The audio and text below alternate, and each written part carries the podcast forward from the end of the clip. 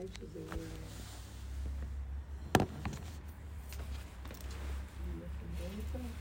מה נשמע? מה איתכם? נר, שביעי של חנוכה. אור שבעת הימים. נר שביעי. מה יש לכם להגיד? אה,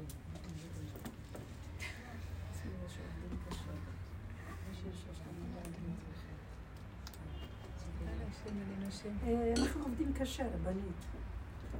עובדות לא- קשה. זה לא סימן טוב. אה? זה לא סימן טוב.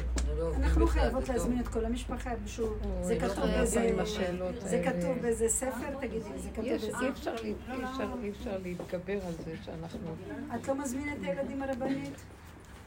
כן, אני מזמינה ואני הולכת נגד הדרך. מה הדרך? הדרך לא לשרת אותם, לא להביא להם, לא לתת להם. בואי רגע. לא בסדר. לא, נראית בסדר גמור. כן, כן. אם אני רק לעצמי רוצה שאני אראה ככה. נראית בסדר גמור. את לא יכולה לראות שאת מסתכלת אצלי, איך תראי אותך? אני אומרת שיש את השכל של הדרך ויש את הדיבורים שאנחנו מדברים על הדרך ויש את הרגע של ההתנסות. ברגע של ההתנסות אנחנו רואים שאנחנו לא זוכרים את הכללים של הדרך. יוצא לנו מה שהטבע שלנו. עכשיו, עצם זה שיוצא לנו מה שהטבע כן, שלנו, כמו שאת אומרת, אנחנו אומרים לא צריך לעבוד קשה, אבל אנחנו כל כך רגילים לעבוד קשה, שזה יקרה שנעבוד קשה, שזה יקרה שנזמין, את אומרת, נזמין את הילדים, שנקרה שבלי שאני רוצה, אני עושה דברים. ועוד פעם אני במצב שזה קשה. אבל יש דבר אחד.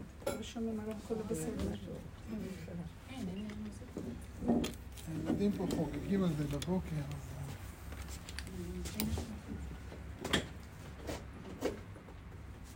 הרבנית, תרחיקי את זה איך? קצת להרחיק. איזה יפה את הרבנית. חבל על הזמן. אני לא רוצה.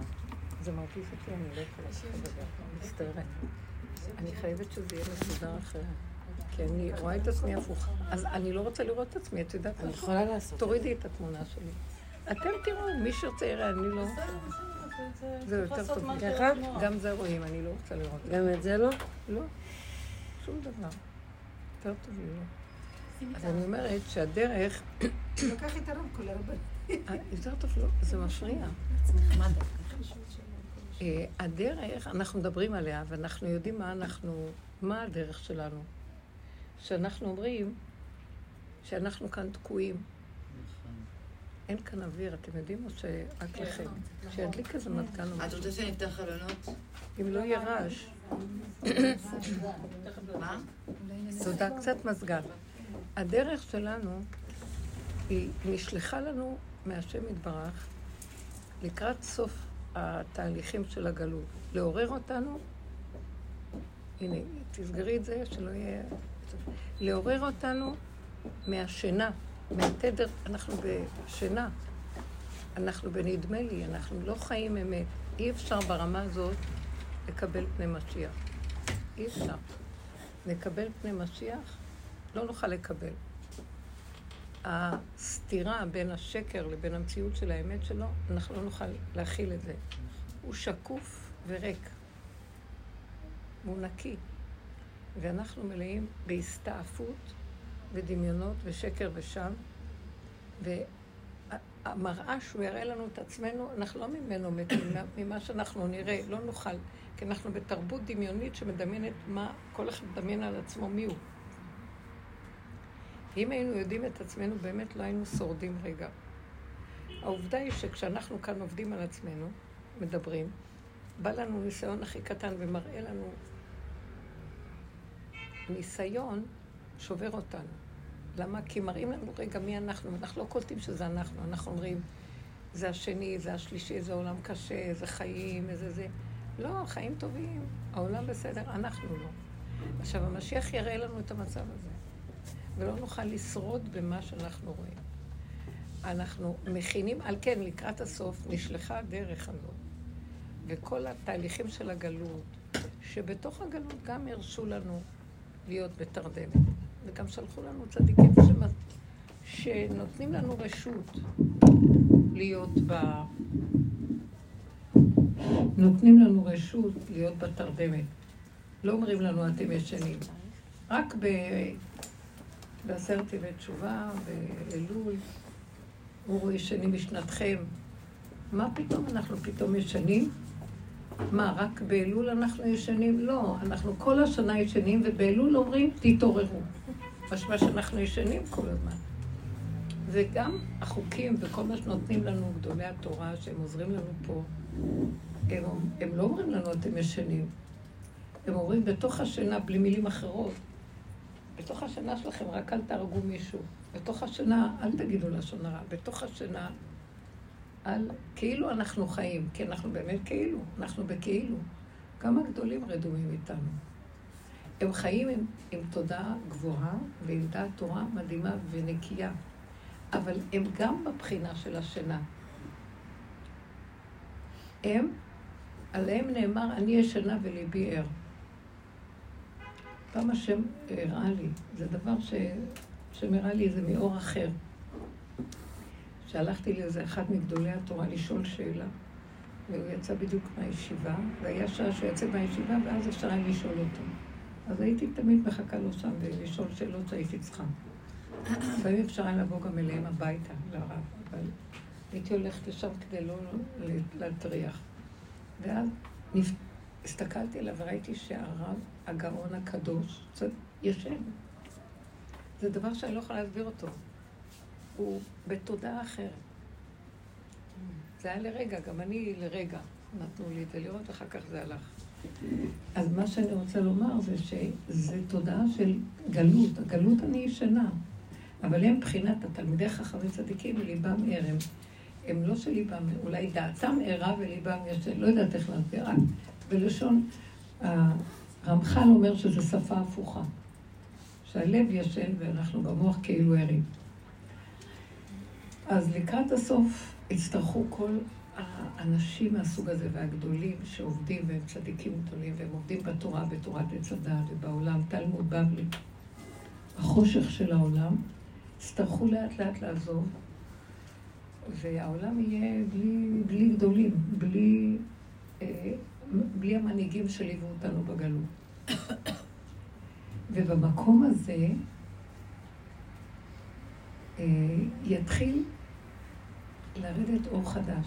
יהיה, יהיה תוהו ובוהו, כי התורה של הגאונים הקדושים, היא עושה סדר בעולם של התוהו פה. שישה סדרים, סדר בספריות, זה כן, זה לא, זה מותר, זה אסור. היא עושה לנו סדר פה בעולם, בתוך השינה יש סדר.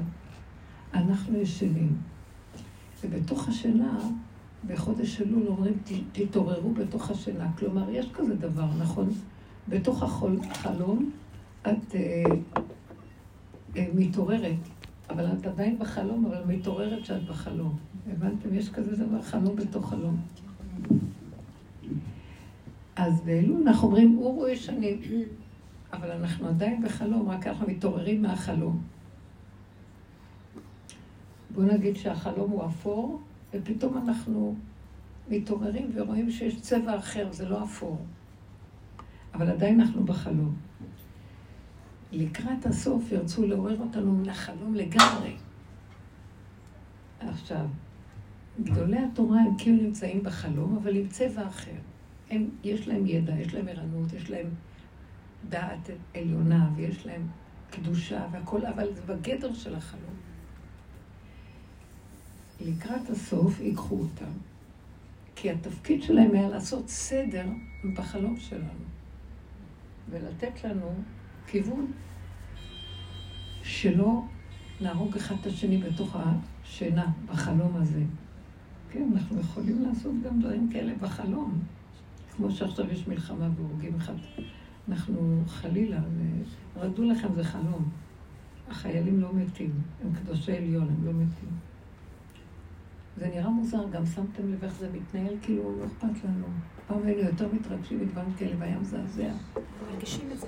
ולא רק זה, תודה. לא רק זה, זה כאילו... אה, יש שם מצב, ובינתיים יש, בואו תקראו, כאילו אנחנו בחלום מוזר. סקציה כזאת, אוכלים במסעדות וצוחקים, סקציה כזאת, עושים אירועים וחתונות ובר מצוות ובריתות. סקציה כזאת, אה, הולכים לסדר את הפנים, את הזה, אה, בגדים, מספרות. כל מיני כאלה, סקציה כזאת, פוליטיקה ו- ובחירות לרשויות, תמונות שלנו, הכל כאילו. רגע, אבל זה לא מלחמה? לא, בחלום יש הרבה תאים, הרבה, אה, איך זה נקרא, מחלקות. והסוף זה שיסלקו את האלה שעשו סדר, כי הם מפריעים לגאולה.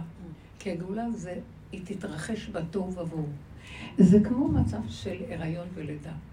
אז אלה שאחראים, הרופאים שאחראים על אה, לשים דופק לעובר, לבדוק מה המצב, איך הערכים של האישה בהריון, סוכר, זה, זה, בודקים הכל. לקראת הסוף האלה זזים, ואומרים, עכשיו, זה לא התפקיד שלכם עכשיו למדוד את הדברים האלה, עכשיו זה משהו אחר. צריכים, יש תוהו ובוהו, בלבול, כן? כי בסדר, עושים סדר להיריון, חודש כזה, תהליך כזה, מצב כזה. בלידה זה אי סדר, אין סדר. אין סדר. זה, ב, זה ביד השם, זה ביד הנהגה שהיא לא הנהגה של דעת וסדר וספרייה. אז יזוזו כל אלה עם הדת, ויתגלה תוהו ובוהו. והתוהו ובוהו זה כאילו, פתאום יגלו, הערכים של הספרייה מתבלבלים, ואומרים, רגע, מה זה פה? יש כאן מלחמה או אין מלחמה? רגע, למה אלה? מה זאת אומרת, אין לכם מצפון? לא, אין לי קשר לזה, באיזה... לא, אני צריך... מה אני צריך עכשיו? מה אני צריך לחיות? צריך לעשות. וכל כל מה שהיה מכוסה וכאילו היה לו כבוד וסדר וערך, פתאום כל הסדרים והערכים התבלבלו. וכאילו יגלו לנו את התמונה שלנו, איך אנחנו חיים. מה הקשר שבין זה לזה, לזה, לזה? אין שום קשר לשום דבר. אה, אני זוכרת שבעבודה שלנו, שנכנסנו בתוך העבודה, אז אה, בד בבד שהיה עולם, פתאום חשפו לנו דברים שלא ראינו אותם קודם בעצמנו, והם התחילו לצוף. וזה היה מזעזע. ותוך כדי זה שהעולם פועל כהרגלו, בחלום הזה, גם חשפו לנו דברים אחרים, שאנחנו בד בבד, וזה מאוד קשה. איך אפשר... והיה קשה לנהל את שתי המערכות. גם את סדר העולם התורני, הכל רגיל, וגם את התוהו ובוהו שהדרך הזאת עושה לנו, שזה מפרק לנו כביכול את הסדרים, ואת הערכים הרגילים. האם אתם איתי? כן, למה. זה מפרק לנו את הערכים? פתאום אני רואה, אני רואה, אסור להגיד לשון הרע. פתאום אני רואה שאני כל היום רק אומרת לשון הרע, ולא חשבתי שאני אומרת לשון הרע. אסור, אסור, אה, לא תשנא את אחיך בלבבך. אחרי רגע אני רואה שאין רגע שאני לא רוצה לשחוט ולשנוא מישהו.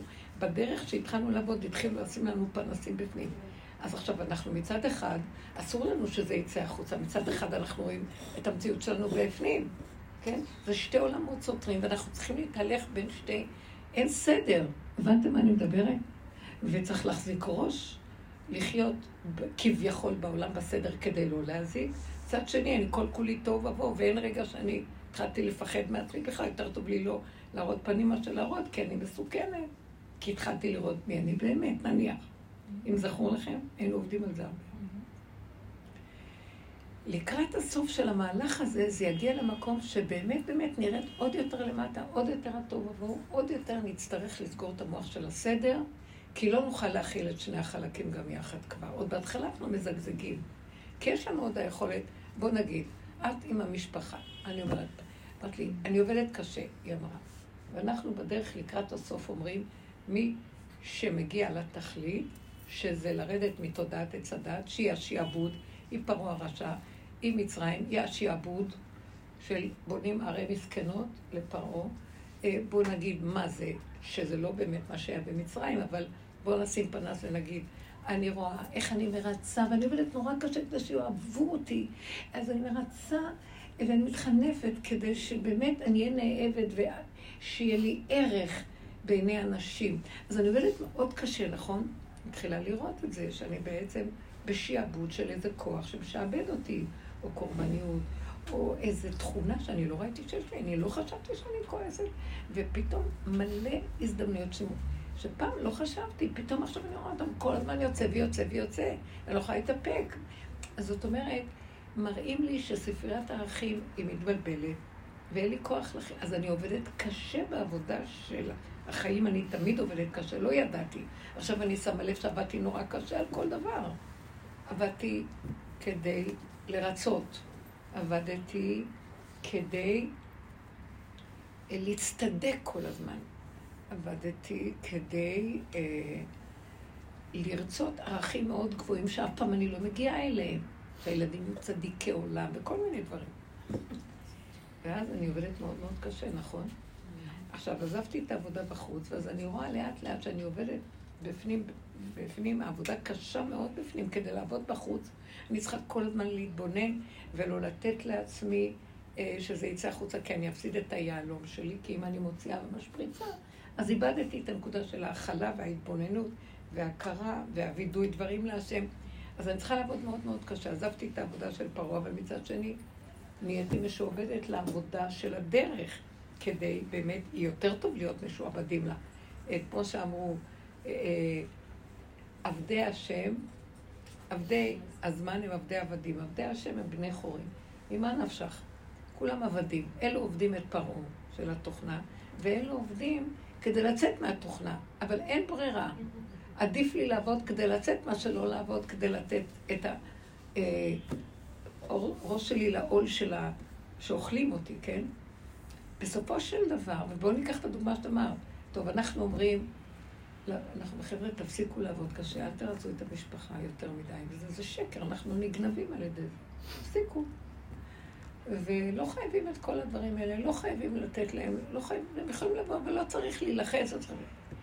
טוב, נחמד, אנחנו מאמצים את העניין הזה, ובלי משים פתאום יש איזו חלוקה, ואז בואו נזמין את כולם. טוב, וזמן, אמרתי לעצמי, מה עשית לעצמך? זה התפלק לי, לא שמתי לב, זה קרה לי. ואז אמרתי, אבל למה את מתנדבת? אמרתי, אני לא התנדבתי, נדבו אותי. פתאום אני רואה שהטבע יצא, מישהו מנדב אותו, אז אני אומרת לעצמי, טוב, אז עכשיו שזה יצא, יצא. זה אני עונה לך. כי אני אעבוד קשה. לא, אני אומרת לו, אבל יצא לי, אני לא יכולה לכבוש את התכונה. אני יכולה רק להשלים איתה, לקבל אותה ולבקש רחמים שתיכנס ותעזור לי. ואם יסתדר טוב, אם לא יסתדר גם טוב, להשלים, להשלים, להשלים, ולא להתרגש משום דבר.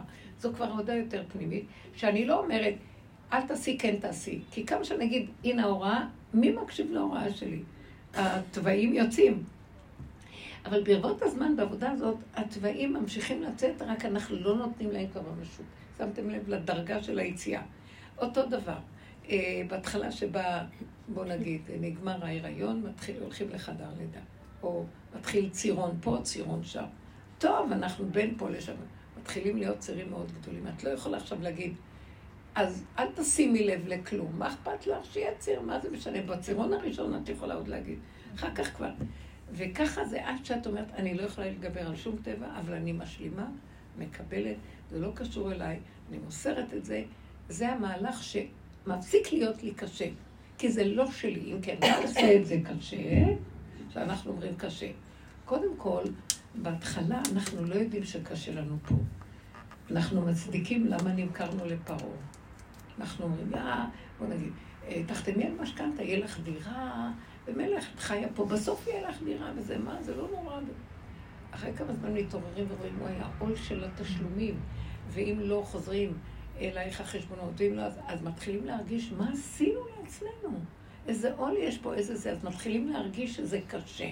כי בהתחלה עושים המון דברים פה, ולא קונים מכוניות, חותמים הלוואות, עושים כל, לא יודעים מה. לאט לאט, כשמתבוננים בייסורים שקורים לנו, אנחנו רואים שאנחנו עובדים מאוד מאוד קשה.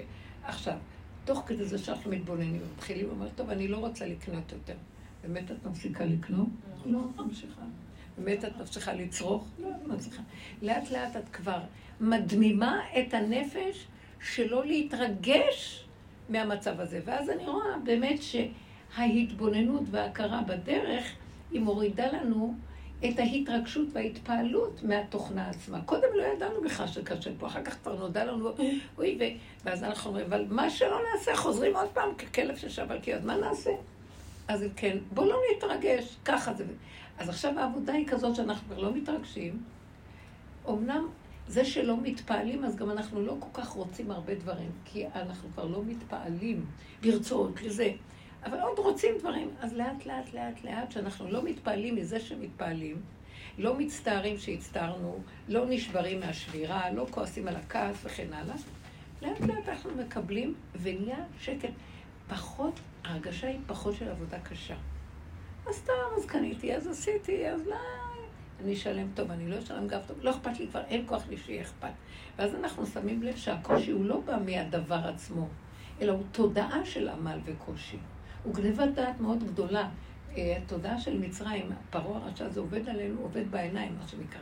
שם שם איזה כפתור, ודרך הכפתור הזה הוא שולט בנו משלט, ודרך זה אנחנו כל הזמן פועלים ורצים ומתרצים, וקורבנים ומתרצים וכועסים ולא כועסים.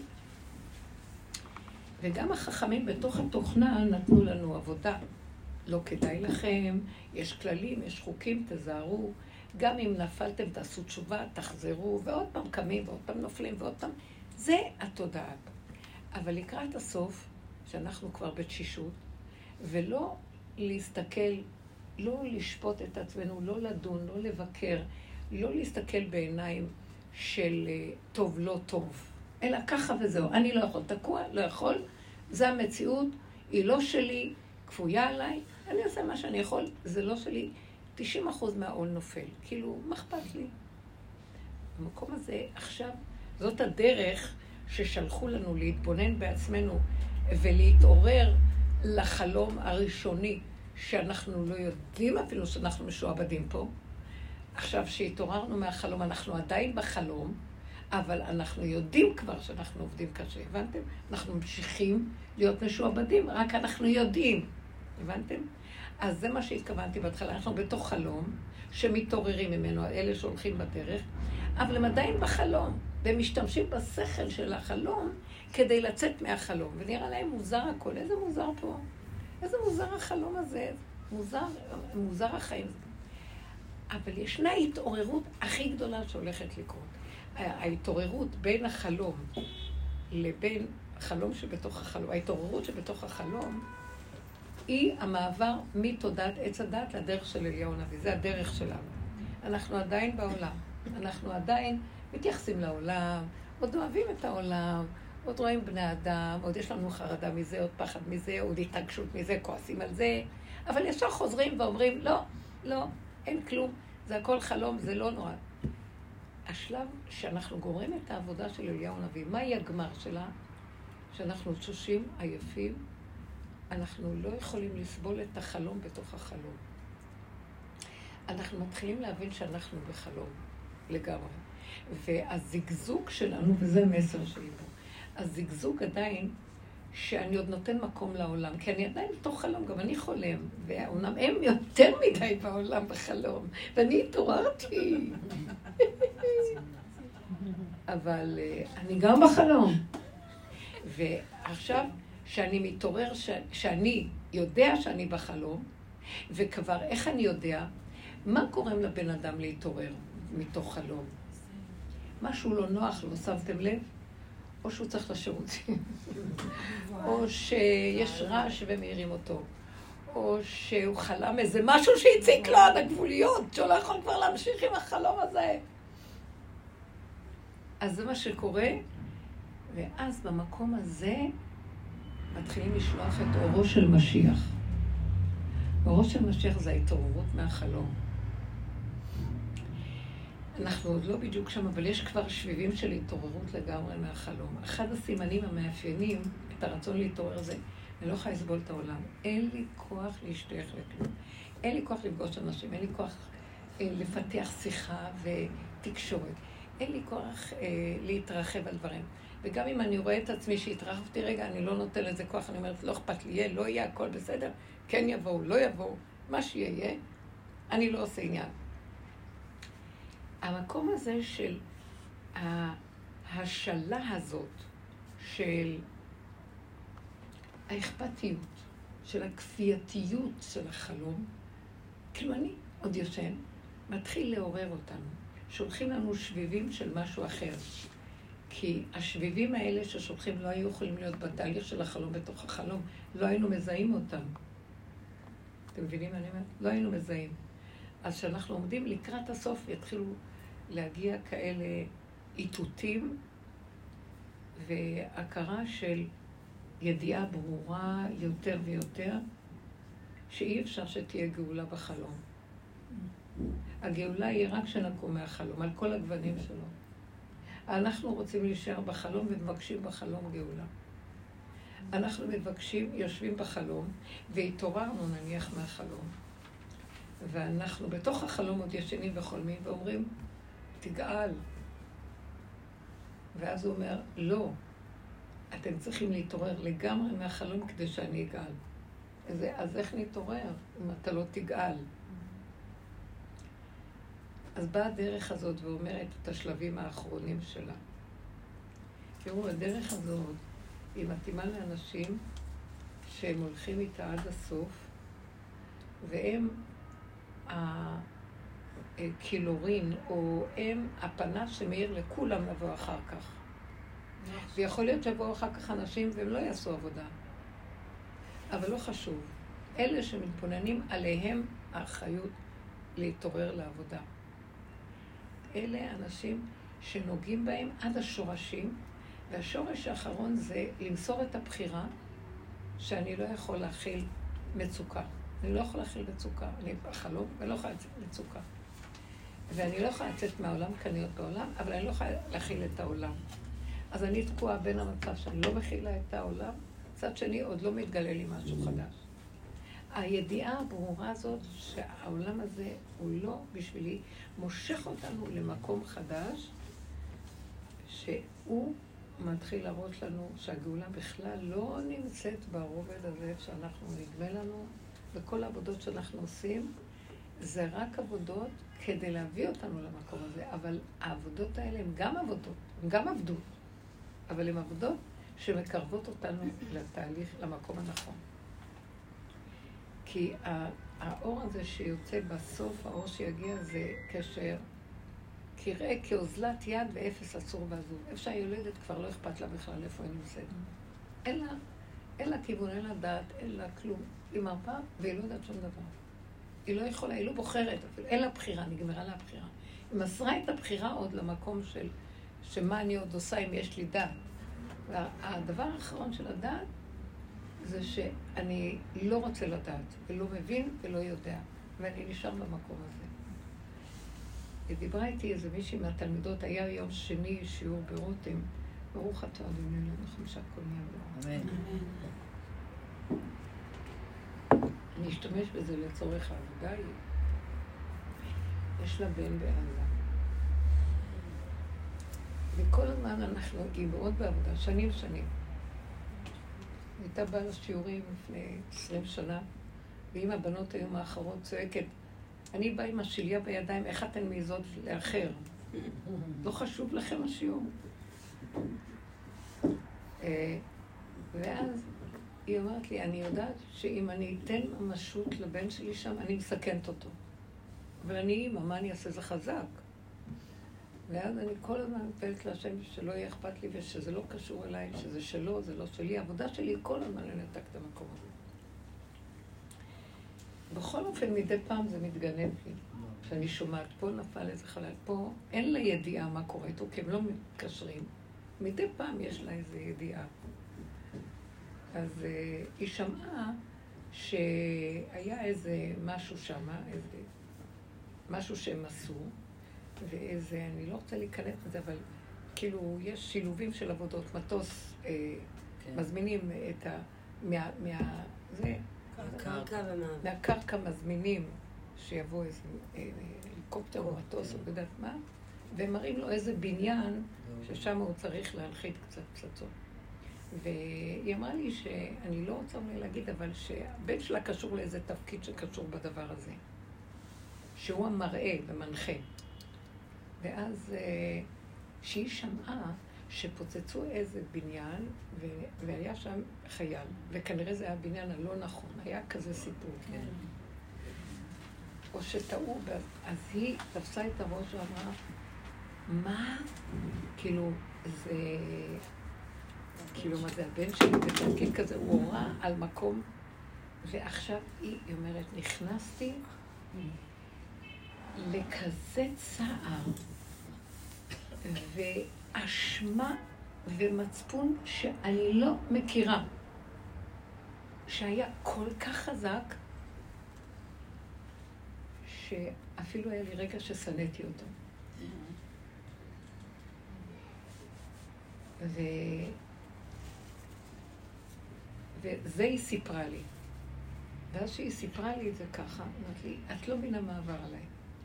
תופת של כאבים. זה יותר ממה שאני מכירה אי פעם בבשר. אשמה, אשמה נוראית.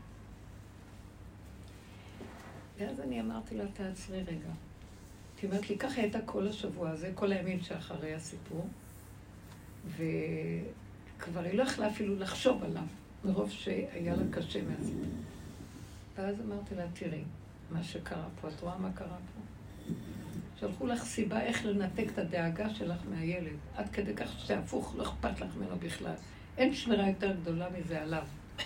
אבל את מבינה גם מה קרה לך חוץ מזה? אמרתי לה ככה, דיברנו על זה ביחד, אנחנו חברות בדרך, היא מדהימה.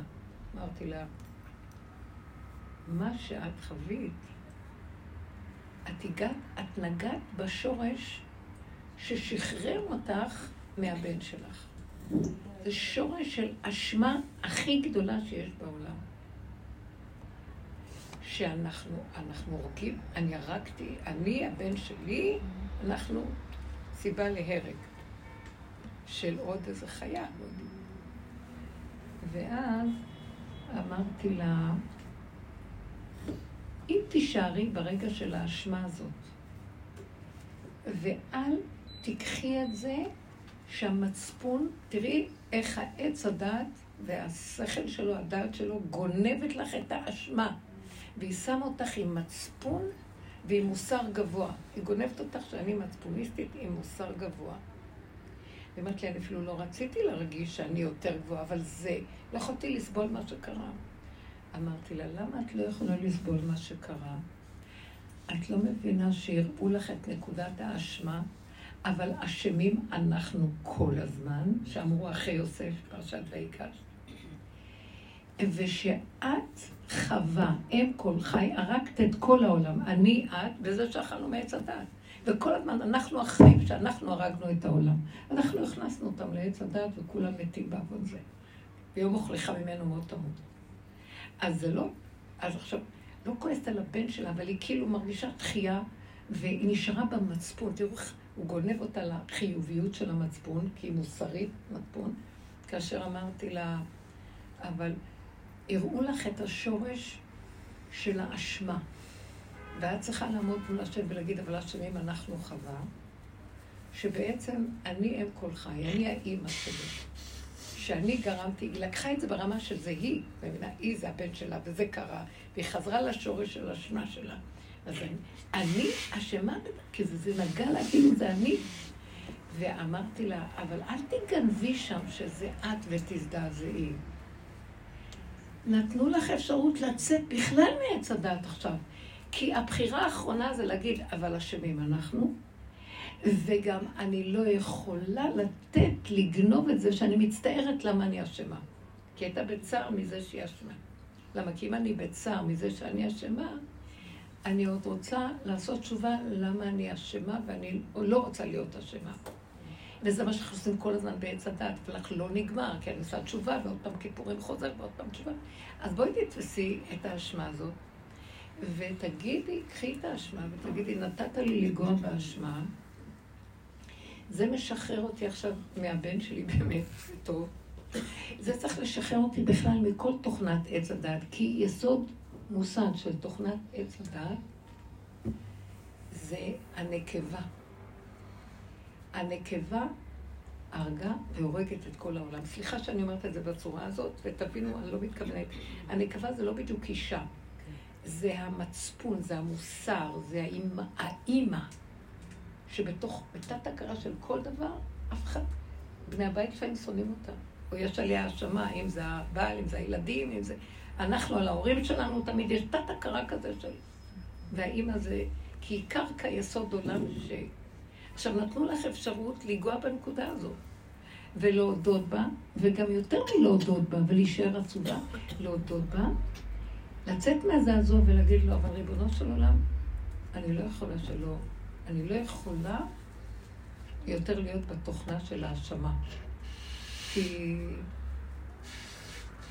עם כל זה שאני עשיתי, אין לי תקנה, זה חוזר עוד פעם, ואני רוצה לצאת מזה. אני רוצה לצאת מעלילת דברים. זו עלילה שלך, שהלבשת עלינו, ואני לא יכולה יותר לעשות כלום פה.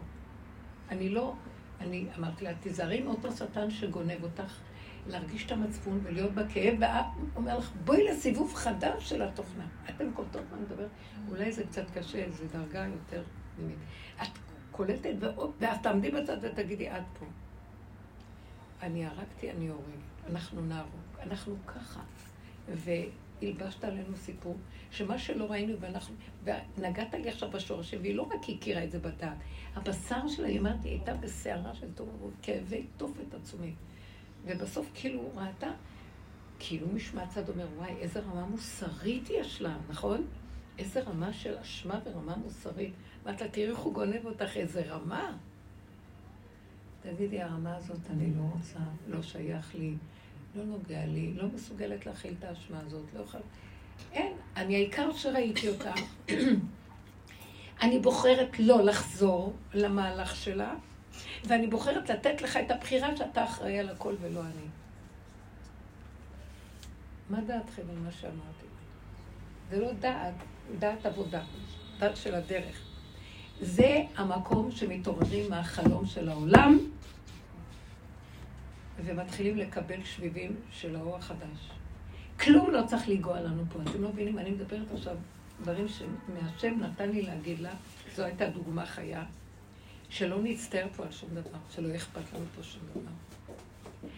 ברור שמה שכל הדורות אנחנו מקבלים אה, מהגדולים והכוונה, כן שיהיה אכפת לנו כדי שלא נעשה את זה ונוציא לפועל, נהרוג אחד את השני.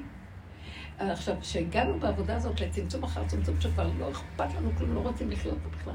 עוד נושמים פה בכלל, אכפת לי. אתה רוצה יבואו, לא רוצה ילכו. אני פה, אף אחד, אנחנו לא יכולים לצאת מפה. כי אתה גזרת שאני אהיה פה, אבל אם נהיה פה זה שלך, לא שלי, לגמרי.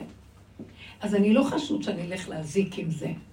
אבל מה שיקרה לך, ואמרתי לה, הגנב יגנוב אותך מבפנים, היהודייה היפה, האימא הצדיקה, או האישה הנעלה, נעלה, נעלה, והיא בעלת המוסר וערך הגדול. ועוד פעם יחזיר אותך לתוכנת עץ הדת, שערי חזק, ובזה גם בכלל, לבן שלך יש שמירה הכי גדולה, וככה כל האימהות צריכות לעשות.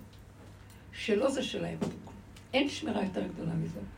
כי ברגע שאני מביאה אותו לתמונה ונותנת לו את המהלך ולא שלי, הוא השומר הכי גדול. הוא ייקח את השליטה על הסיפור פה ויראה לנו דבר חדש. יוציא אותנו מהעמק הבכה הזה, וכל הסיפור של אה, נסיבות וחוק ההסתברות, אם נעשה ככה, זה מה שיהיה, ואם זה יהיה פוליטיקה, זה מה שיקרה בסוף, ואם זה כך. זה אז הכל מתחשב בכל דבר, אומות העולם, אנחנו בעולם, כל הסיפור פה.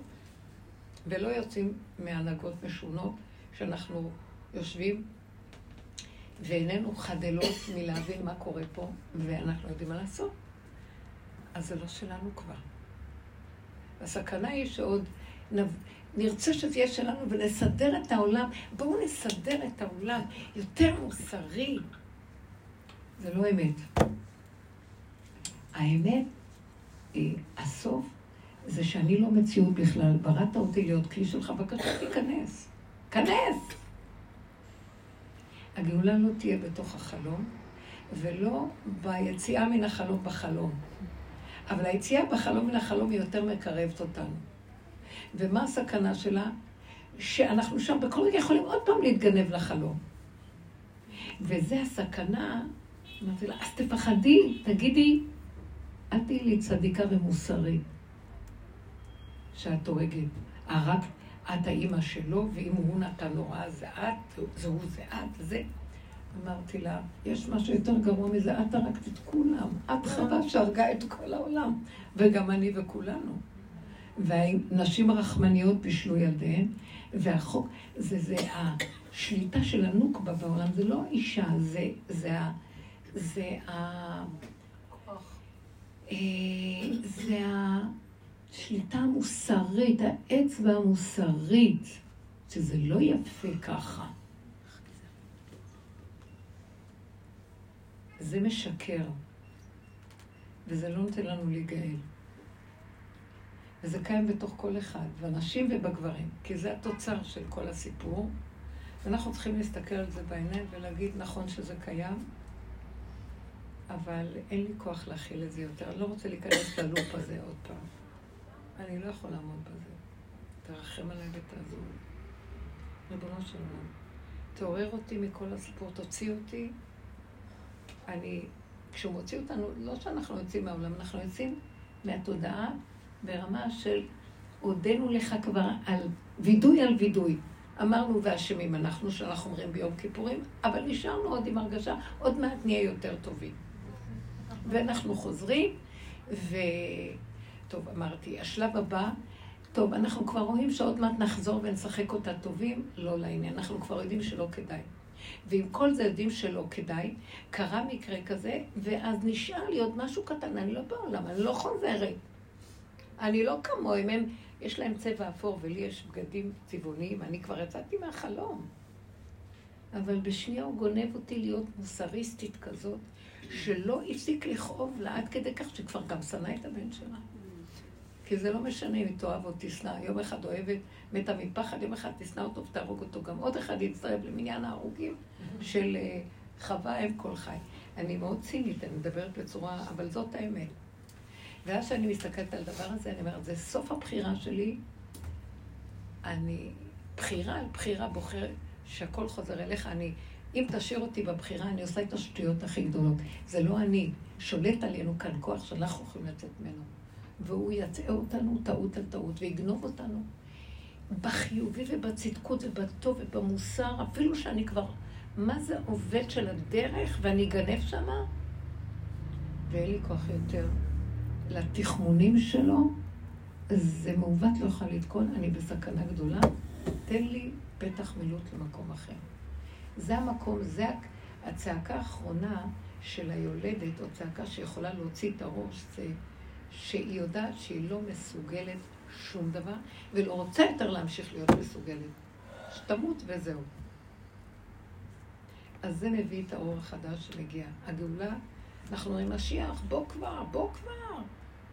אומר, לאן אני אבוא? Mm. אם אני אבוא איפה שאתם, מה שאתם תראו מהמראה, אני לא אהיה מראה. אתם תבינו מה, אי אפשר להסביר את זה. אתם לא תוכלו לחיות ממה שאתם תראו. אתם פשוט, זה לא קשור אליי, זה אתם, תראו את עצמכם, לא תוכלו להכיל את זה. אין לנו יכולת להכיל את הדבר הזה. על כן המעט, מעט מעט הגרשנו מפניך, והעבודה שאנחנו עושים נותן לנו כוח לאט לאט להסתגל לראות את המפלצת שיש בפנים ואת כל המצב הזה, אבל עדיין אנשים חושבים שזה שיגעון הדיבורים האלה. לא יודעים מה זה. חבלו של משיח. וזה יושב בתוכנו נחש שלופת אותנו, ואין לנו שום עצה ותושייה לדבר הזה. אי אפשר להתגבר עליו, ואין לנו יכולת לתחמל ולסדר אותו. וכאן צריך כוח הרבה יותר גדול.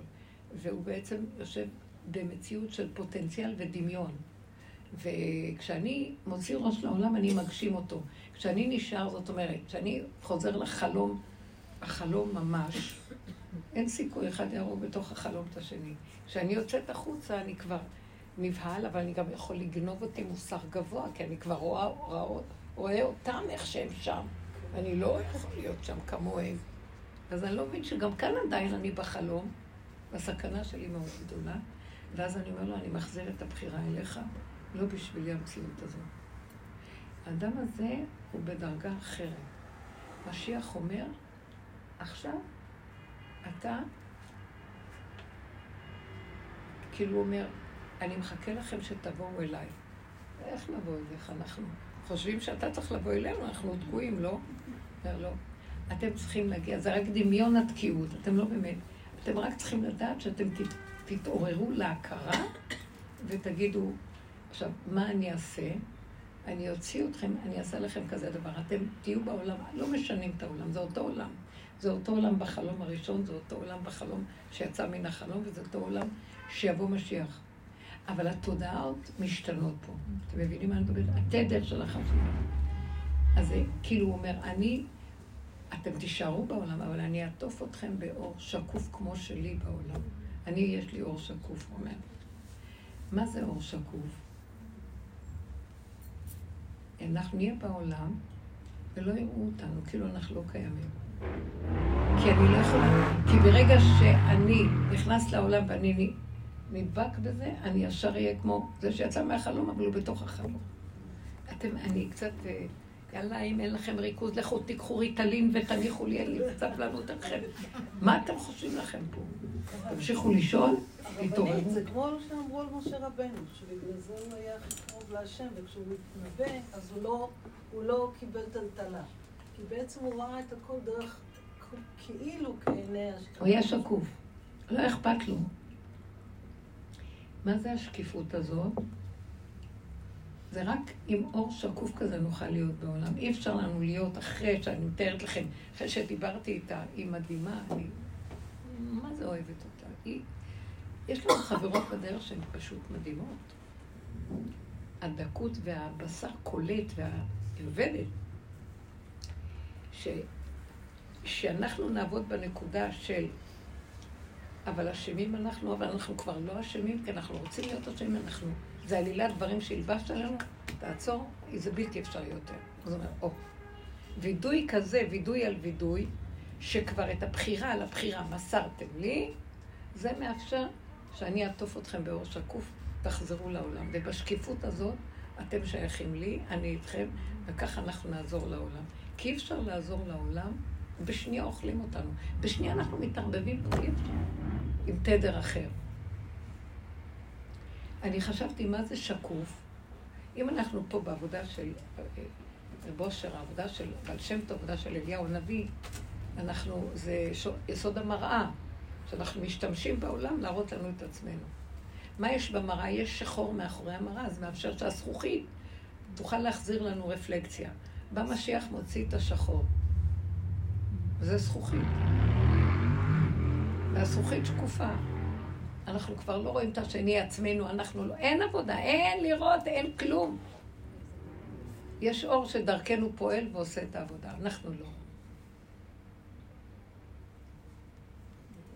השקיף השם עם הון קודשך. זה השם משקיף, הוא שקוף, הוא משקיף דרכנו, וזהו. אין לנו יכולת. זה האור הגנוז, זה האור החדש. זה האור השני, יש אהיה אשר אהיה, שזה הראשון היה, נגענו במצרים, שגם... השני זה האור, שהוא גם כן אותו דבר כמו הראשון, אבל הוא כבר אחרי הכל. שכבר זה עבודה מסוג, אין עבודה.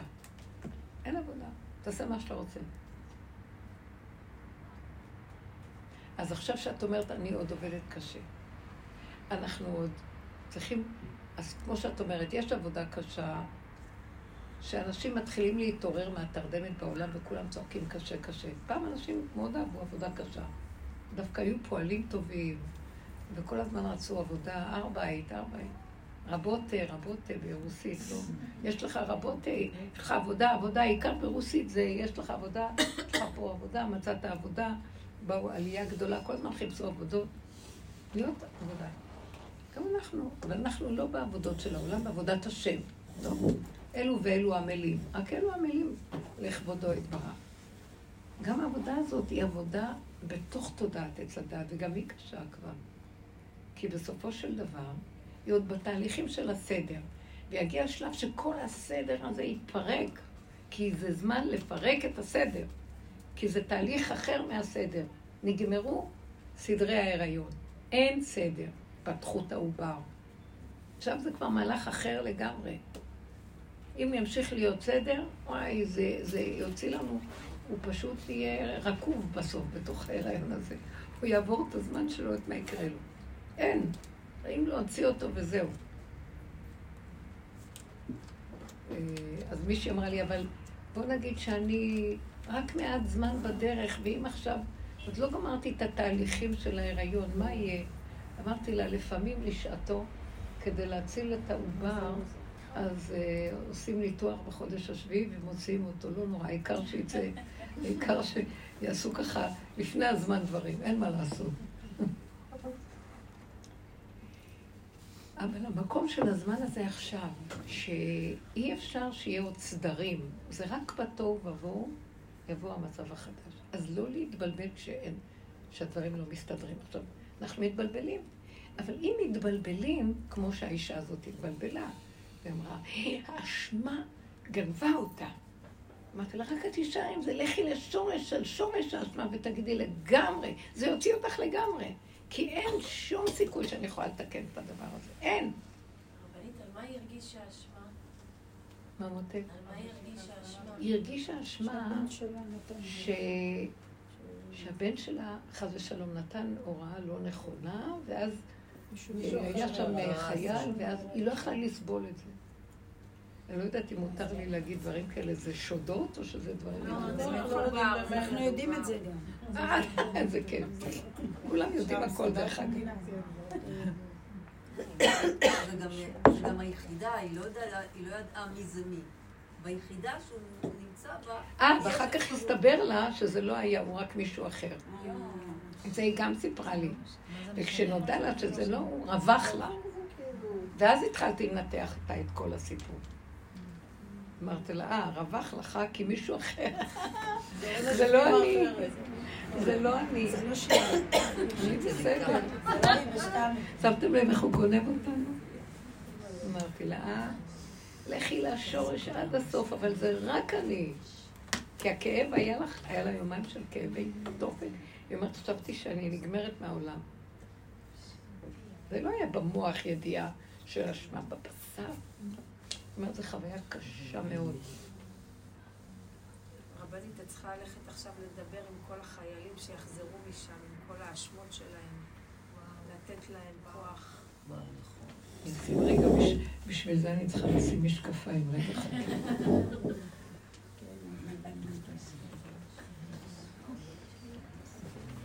לא לחשוב את זה, הם יחזרו משם בלי התודעה. כל הכאב וכל זה, זה סתם לחשוב, לא שזה... צדק.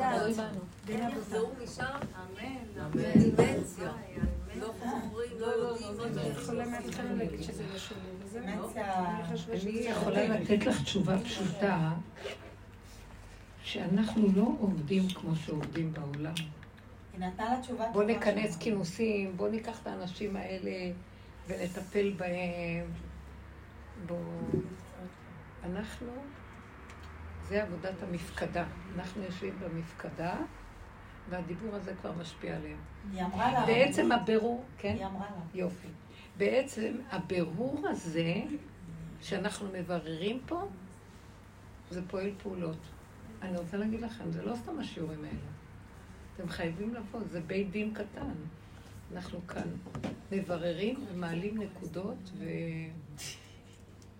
וזה קורה בחוץ. שימו לב שהדברים קורים בחוץ כמו שאנחנו עובדים. אני זוכרת שבתקופה של העבודה הייתי אומרת, בתקופות הקודמות של הרבה שנים, איך העולם כמנהגו נוהג כאילו, ואני במצב של סערה לא נורמלית, אני לא, אין חיים פה, איך אני... אחר כך אני רואה היום כולם ככה. קורה דברים מאוד קשים, וכולם כאילו ממשיכים עולם. זה הכל קורה בבת אחת, הכל כל הזמן. כי העולם נמצא בתהליכים של הדרך, בלי שידעו. אנחנו עושים את העבודה, זה קורה במילא בעולם. תתמידו, ותראו שגם אם תרצו או לא תרצו, אתם חייבים להתמיד. אנחנו חיילים של הסיפור הזה, אין מה לעשות. ואני זוכרת שבתחילת המלחמה, בשבוע הראשון השני, כולם התעוררו לעזור ולהידלק, לעשות חסד ונתינה וליצור, וזה, והתלהבות. ואנחנו דיברנו ואמרנו, מה, מה, אתם, מה אתם מתלהבים? מה? לא להתבלבל, לא להאמין, לא כלום. תמשיכו רגיל, הכל רגיל. לא ככה, לא דעות, לא, לא להיגנב. ואתם רואים שהכל חוזר למקום הזה, כאילו לא נגנבים, לא פועלים, לא, הכל שקט. חוץ מכל השטויות של השקרים שממשיכים לפעמים ואין מה לעשות. דווקא אלה שלא מתלהמים ולא כלום דרכם, נעשית עבודה גדולה, וזה מאוד חשוב.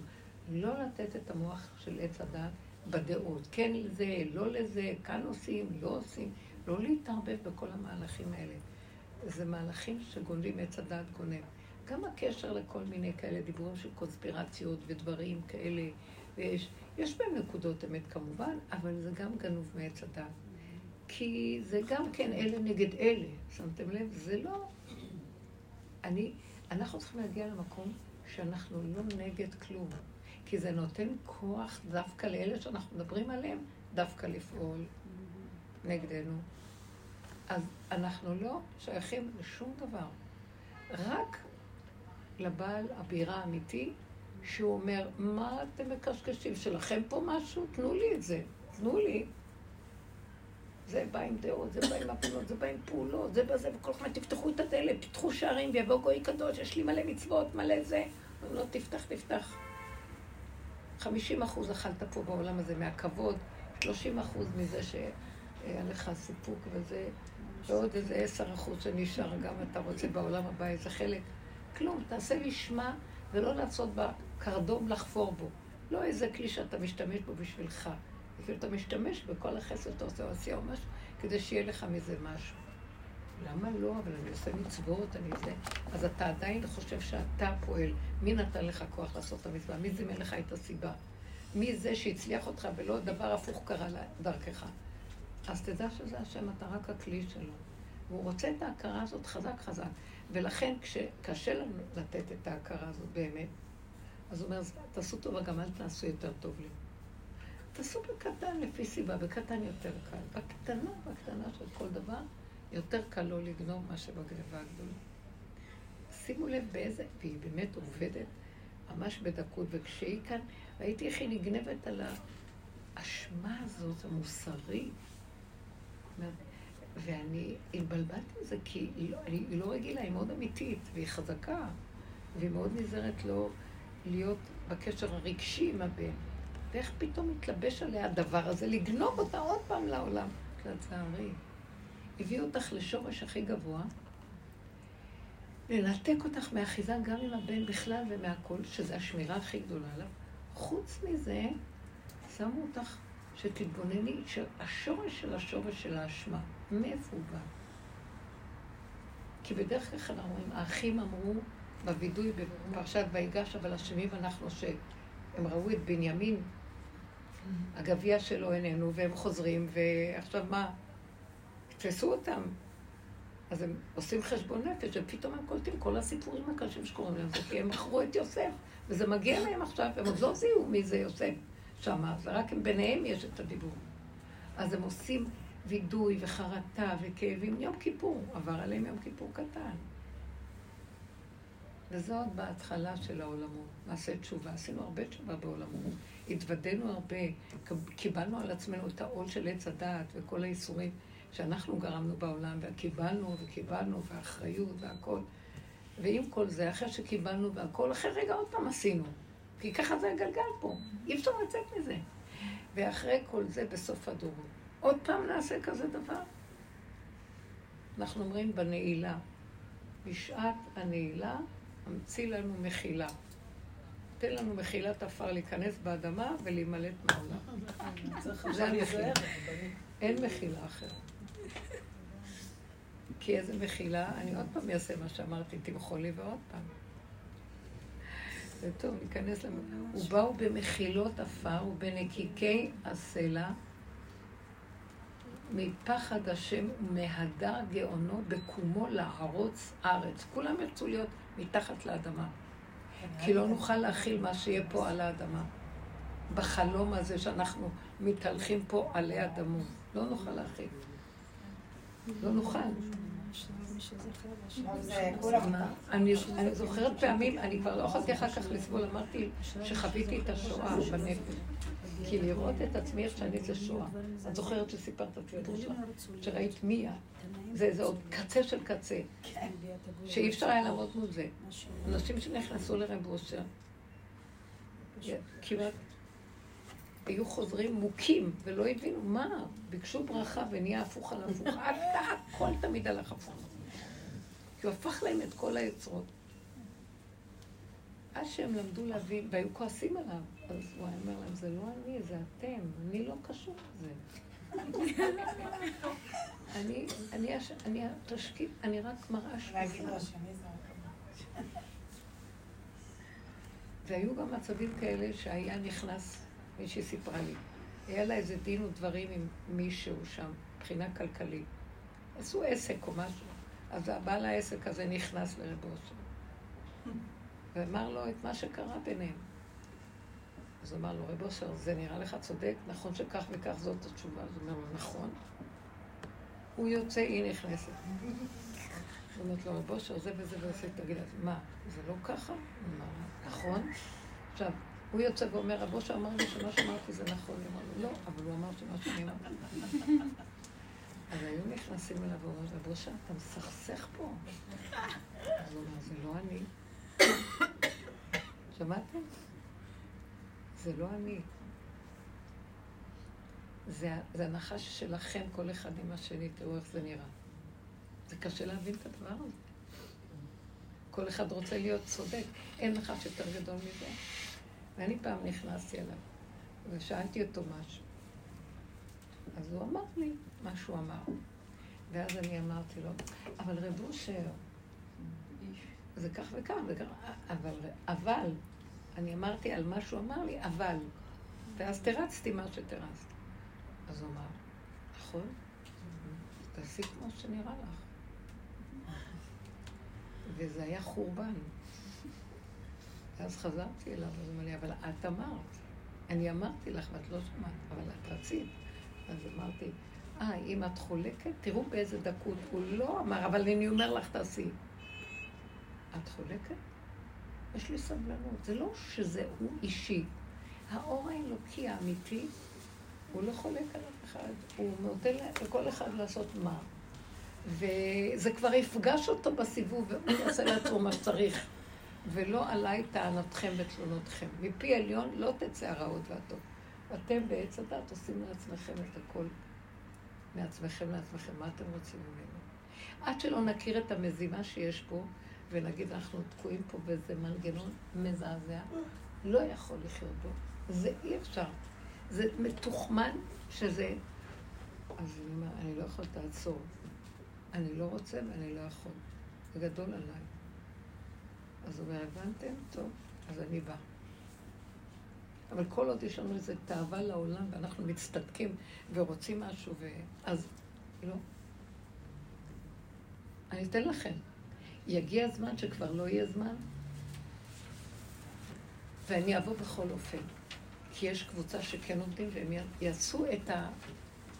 אבל uh, מפסיד מי שלא הכין כלים. מפסיד את המהלך.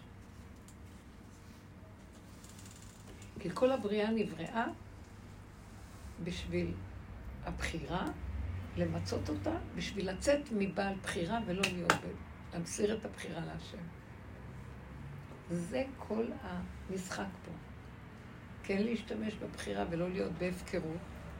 ואחר כך, אחרי כל הבחירה, להגיד, עם כל הבחירה אנחנו כל הזמן בהפקרות. כי אנחנו לא רואים את הדבר נכון. וכל רגע יכולים לטעות עם כל החוקים והדינים שאנחנו יודעים. הדיינים מאוד מאוד מפחדים, הם, הם דנים ויש להם, התורה פרוסה לפניהם והם רואים את הכל, הם יודעים איך לפסוק. ועם כל זה מתפללים, תסתכלו על התפילה, נראה לי שהתפילה של הרמב"ם, יש תפילה, תפילה לדיינים, שאין לנו רק מה שאיננו רואות, אבל אתה השם רואה ללבב. אלה שעובדים בעומק בדרך, הם נוגעים ביסוד האמת לאמיתה, והם רואים ללבב.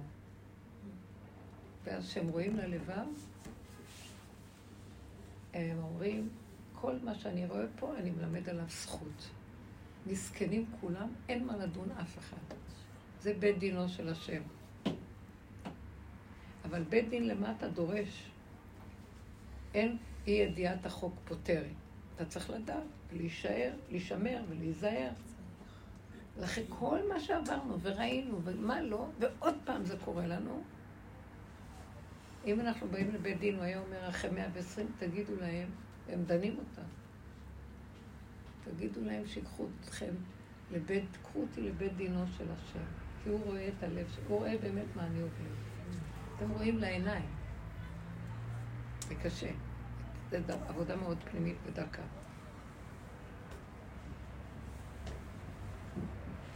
אני מלמד עליו זכות כי אני יותר גרוע, נכון? מלמד זכות כי אני יותר גרוע. לא כי אני, השם כאן דן אותו מבית דין אחר. אני מלמד עליו זכות, למה? כי אני יודע שאני הלבשתי את העלילת דברים הזאת על העולם. ולקראת הסוף, איזה תסכול, כמה עבודה אנחנו עושים, נכון? כמה עבודה אנחנו עושים, ולא יוצאים מהפלונטר פה. אז קחו אותי לבית דינו של שם, מה אתם דנים אותי? צריך להיות צדיקים כמוכם, שכל היום רק יהיו בדלת אמות, ורק בתורה ולא יוצאים לעולם. ואנחנו נשים, יש לנו ילדים, יש לנו חיים, ויש לנו זה, ואנחנו כבר התרחקנו במס, אז אין חיים רק לאלה שיושבים בבתי מדרשות וצדיקים. ומה עם כל העם הפשוט? אנחנו נלמד עליו זכות. אז השם אומר, תבואו. אני אלמד, אבל תיגעו בנקודה ותודו באשמה של האשמה, שאת אם כל חי והרגת את כולם, ואחרי כל זה, גם זה לא את ולא אכפת לך יותר כלום. כי אי אפשר לפתור את הסיפור הזה. כמה תשובה אם כל חי תעשה? אתם יודעים כמה סבל היא עברה על זה שהיא הרגה את העולם? בצר תלדי בנים, ולשך תשוקתך שם. כל האיסורים של העולם, עבד עולם, לקורבניות, לריצוי, לחרדה, למסכנות, תחת עול של נוגסים, רגשי ונפשי, ומה לא של נשים, וצער הלידה נורא, צער הגידול ילדים, לקום בלילות. אין חיים. ועוד באים בטענות לדון אותם. ועוד אומרים אחר כך דין.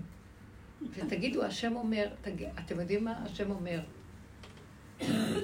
תביאו עליי כפרה על שמיעטתי את הלבנה. תביאו עליי כפרה על כל העלילה דברים. מה עשיתי לכם? כי הוא רואה את הצער של האנשים, והוא מצטער יחד איתנו. אבל הוא תקוע. הוא מחכה לאנשים כמונו שעובדים, שאורו של משיח, מחכה, מי זה משיח? אחד שעשה את זה. וקם ואמר, יאללה, תושיב אותי בתחתיות של העולם. אני מסכים שאני על קפונה, הכי גרוע שיש בעולם. ואני מלמד זכות על כל מי שיושב שם ועל כל היונות שיושבות שם ועל כל המקולקלים למיניהם. כי אי אפשר אחרת פה. בתחתית של התחתית, שמתם לב? ולא אלה שעפים למעלה וחושבים שהגיעו לטוב והם צדיקים. הוא, הוא יגאל את כל העולם. איך אמר רבי שמעון, אני יכול לפתור את כל העולם מהדין. מהמקום הזה. שהוא ראה את האמת. אין מה להגיד פה כלום יותר. אבל זה אי אפשר להגיד את זה באמצע העולם או בהתחלה שלו, כי אז יהיה הפקרות חוגגת. בסוף הדורות, סוף התיקונים. די! מה לא עושים אנשים נמקים מרוב צער? וכבר אין להם כוח, ולא רוצים לקלקל ומקלקל. לא רוצים כלום, לא רוצים מלחמות. לא יכולים כבר. מה אתה רוצה שתעשה? הנחש צועק, תציל אותי מעצמי, אני לא רוצה. אני לא רוצה לעקוץ. תציל אותי. הנחש זה החמאס, הם צועקים, מה, מה עשינו לעצמנו? אי אפשר להאמין להם כל כך. אבל יש משהו שהבריאה ומשיח, האור הזה של השם שיורד לגאול, מחכה לשמוע את הצעקה של התשובה, התשובה, התשובה של עתיד חזיר להיטהר. יאללה, תץ. אני לא יכול להפסיק. אז מה, חזיר יעשה תשובה? לא, הוא יגיד, אני לא יכול. אתם מבינים מה אני אגיד? אין תשובה יותר גדולה מזאת, גם בלי להצטער, ויותר גרוע מזה, לא להצטער גם, כי לא יכולתי אחרת. כאילו השלמה למצב? איך? השלמה למצב? השלמה מוחלטת. זו השלמה של סוף של הסוף, כאילו, כאילו שיש לי אפשרות אחרת לא להשלים. הבנתם? לא, תשלימי. תעשי עבודה על השלמה. אי אפשר. ויש עוד מצב קודם של אני לא יכול להשלים, כי אני לא יכול להשלים.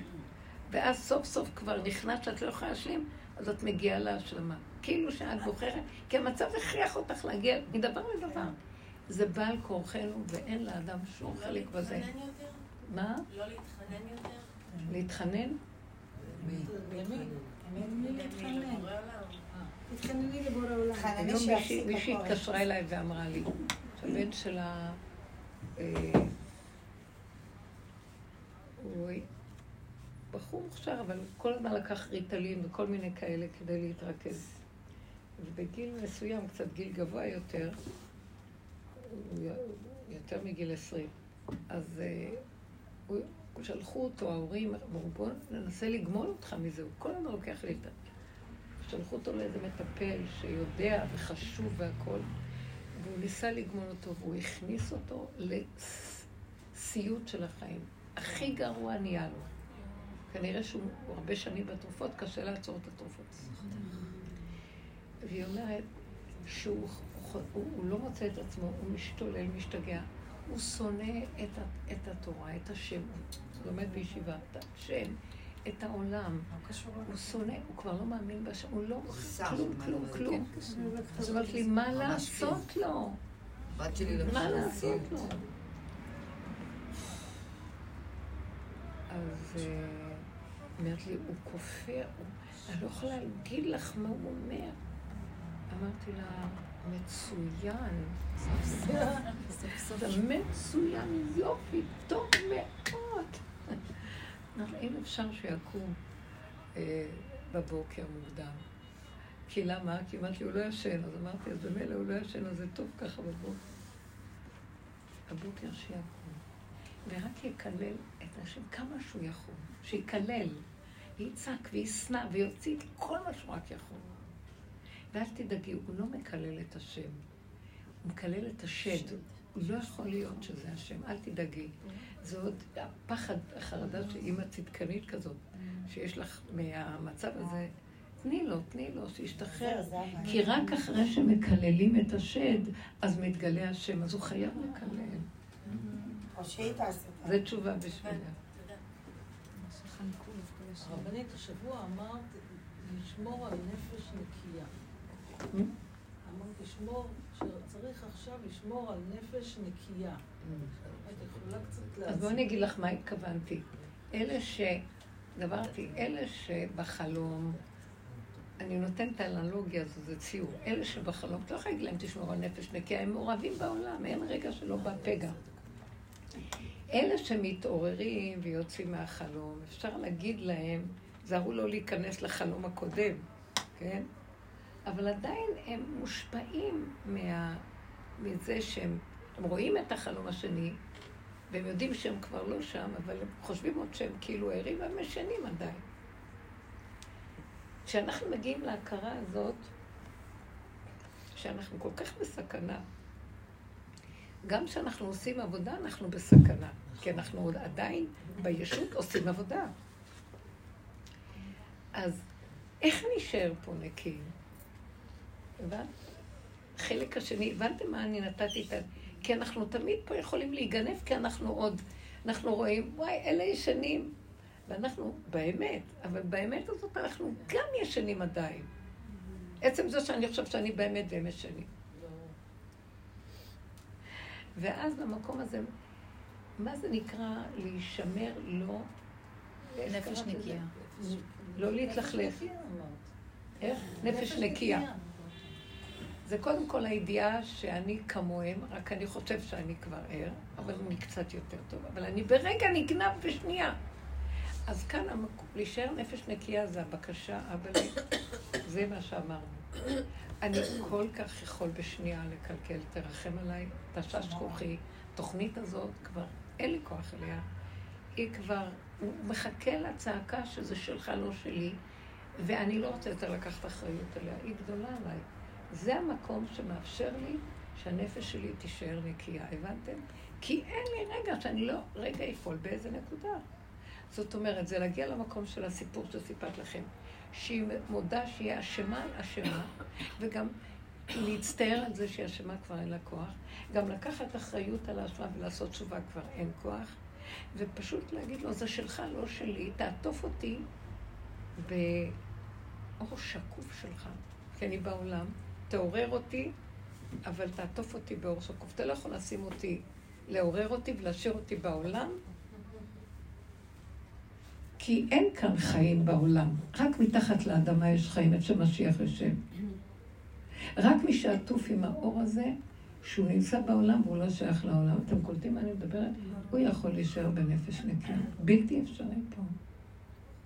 אז עצם זה שאנחנו מכירים את זה ומדברים על זה, אתם, נתתי כאן דיבור שאנחנו צריכים לקחת אותו ולעבוד איתו קצת, להתבונן בו, לחזור עליו, זה לא דיבור של פעם. תקליטו, תשמעו, השיעור קיים. זה פשוט, הסוף של הסוף זה להודות שאי אפשר, לא יכולים, לא מעוניינים, אין כוחות לדבר הזה, ואין רגע שאני לא אגנב, ואני כל רגע יכולה להתלכלך, ומה תבוא אליי בטענה ותרצה ממני איזה תשובה ותעמיד אותי לדין. היה לי חלום כזה, סיפרתי את זה לתמרי, לפני יומיים, משהו כזה, שאני, אה, אני, יש מנורה ענקית של שמונה קנים, לא של אה, שבע. מנורה של שמונה, שבע זה בית המקדש, שמונה זה של חנוכה. מנורה ענקית, גדולה גדולה, ו... ואני נמצאת אה, לא בטופ שלה, אבל כאילו לקראת הסוף שלה קצת, בחלק העליון, באמצע כזה. לא איפה שהקנה ולא איפה שזה, בחלק שלה באמצע. ואני מחזיקה חזק, ואני נדהמת כמה היא גדולה וגבוהה, וכשאני מסתכלת למטה, אני כל רגע אומרת, אני כל רגע הולכת ליפול, זה מסוכן. ואחר כך החזקתי בה חזק, ואז שמתי לב שיש איזו שריטה אולי שאני עשיתי, לא הייתי בטוחה. כשירדתי, בחלום לא ראיתי איך ירדתי, אבל ירדתי.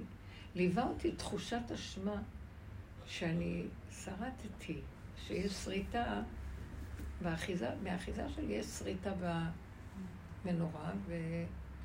ואני צריכה לידע את זה. למי אני הולכת להגיד שיש שריטה ואני... מה יגזרו, מה, מה צריך לשלם, מה לעשות, לתקן את זה.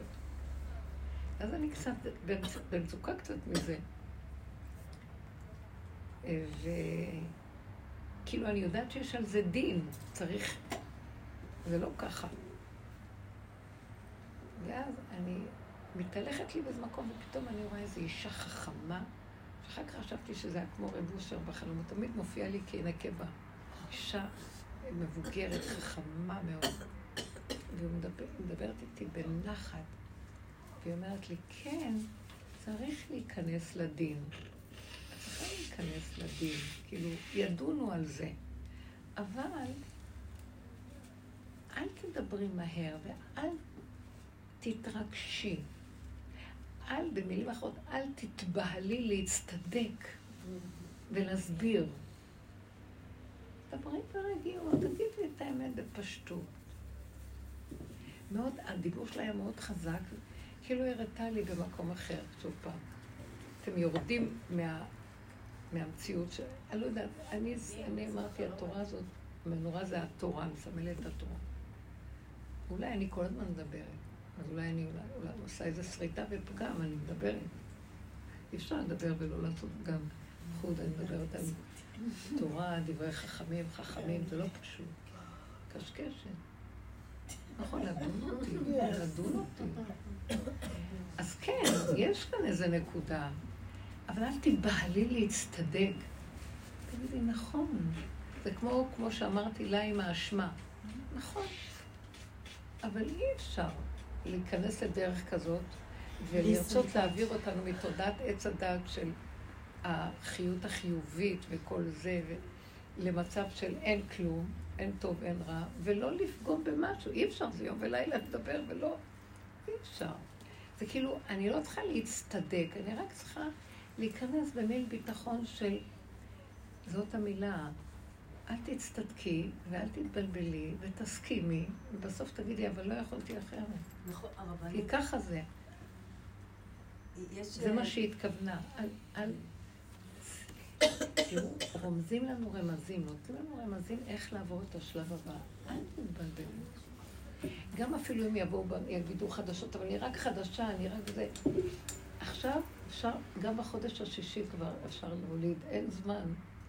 העיקר, נשים את זה באינקובציה אחר כך, אבל זה בסדר. אולי הוא ייוולד בסדר. אבל אה, אין זמן. תגידו ככה, תלכו במקום של, נכון, ואין אפשרות אחרת. אי אפשר פה לא לחטוא. אי אפשר פה לא... אה, ונכון, לא להצטדק, לא להיבהל לחפש איפה אני בסדר, וסליחה, ותראו, אבל תבינו אותי. לא. נכון, צודקים. מול השני נכון. בואו תאמצו את זה כל רגע שקורה לכם משהו. נכון. כי אם אנחנו בדרך, לא מעניין אותנו מה שאני חושב, משהו, הוא יחשוב מה שהוא רוצה, שיגיד, אני לא אצטדק ואני לא אגיד להם מה ש... אני בכלל לא אבוא להגדיל, להגדיל ולהגיד למה... וגם אם ישאלו אותך, אז תגידו, אתם צודקים, נכון, אתם צודקים, אבל... לא, את לא אמרת... לרצות לסדר את זה ולהגיד את זה, ואני שמה לב שאני מנסה ללכת קצת על רצינות ומשהו מול השני במשהו שאני נגנבת, שיבין אותי, כי אני רוצה שהוא יקבל מהדרך, אז אני אחר כך אומרת, אני עושה טעות. מול מי את אומרת את זה, הרבנית? מה? לא להצטדק מול השם או מול השם? לא, הוא לא להצטדק מול השם. או מול הבן אדם. מול הבן אדם. ומול השם לבוא גם כן, בעין אונים. בעין אונים. לא, את מדברת על אישה שזה היה בינה לבינה, אבל אם את מול השני, יצאת על איזה מישהו... לא יצאתי, דיברתי ככה והוא התנגד, ואז אני ניסיתי להסביר ברצינות, ולא הייתי צריכה להגיד, צריכה להגיד לו, נכון, אתה צודק, נכון, נכון. נכון, ובאמת, בסוף יצא לי מהלך אחר, שהסכמתי, ועצרתי את עצמי לא, לא לתת לתסכול להתגבר רגשי בפנים בשקט. זה לא בא לידי ביטויים חיצוניים, אבל היה לי תסכול. ופתאום אמרתי, למה את בתסכול? הכל בסדר. אה, ואמרתי, הוא לא מבין, כי הוא עובד עם תודעת העולם מול העולם, בדברי תורה וחכמים מול העולם. ושאת מדברת ממקום של יסוד העין, אין כלום. והוא אומר, מה זאת אומרת אין? יש.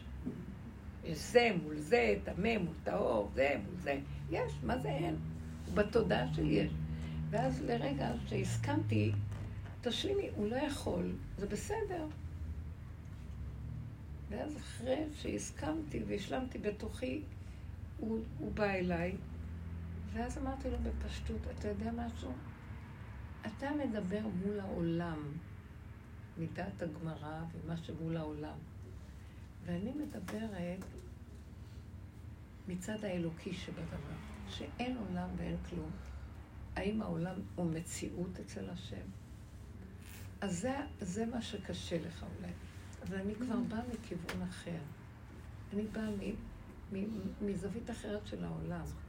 שזה היסוד של הגאולה, הוא בא מהמקום הזה, הוא לא יבוא מהמקום של העולם. והוא את זה קלט מיד.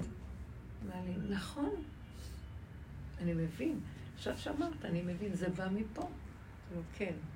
כן, אני רציתי לסדר לו דרך המוח שלו את העניין של הדיבור שלי.